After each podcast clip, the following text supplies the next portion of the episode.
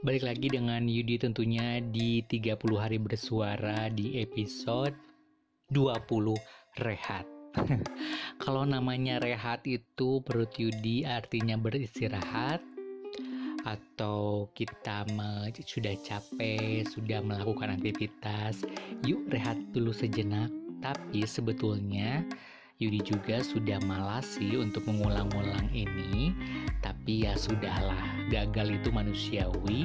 Jadi kita rehat dulu sejenak kumpulkan lagi energi belajar dan belajar lagi. Jangan memaksakan tapi jangan pula terlena tanpa pergerakan atau ritme dalam hidup kembali lagi ke lapangan. Nah untuk rehat juga bisa dijadikan uh, sholat lima waktu itu sebagai terapi rehat buat kita jadi jangan lihat sholat sebagai tugasan yang berat.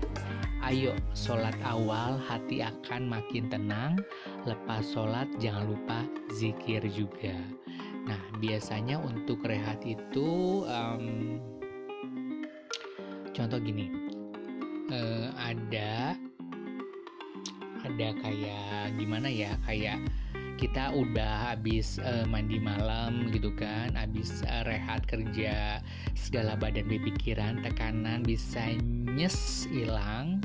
Begitu kepala kena air atau yang bilang mandi malam rematik itu mitos ya.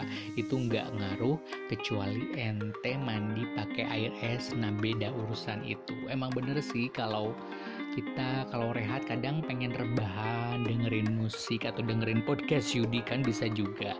Nah begitu menurut Yudi. Nah kalau menurut kalian gimana untuk namanya rehat? Ya terima kasih buat teman-teman yang sudah mendengarkan. Terima kasih yang juga udah follow Instagram kami di @podcastyudi dan jangan lupa untuk traktir.id-nya di @podcastyudi ya. Sampai jumpa minggu depan dengan episode-episode selanjutnya di 30 hari bersuara. Mari cap, mari bread, mari kita cabut, mari kita mabret. Bye.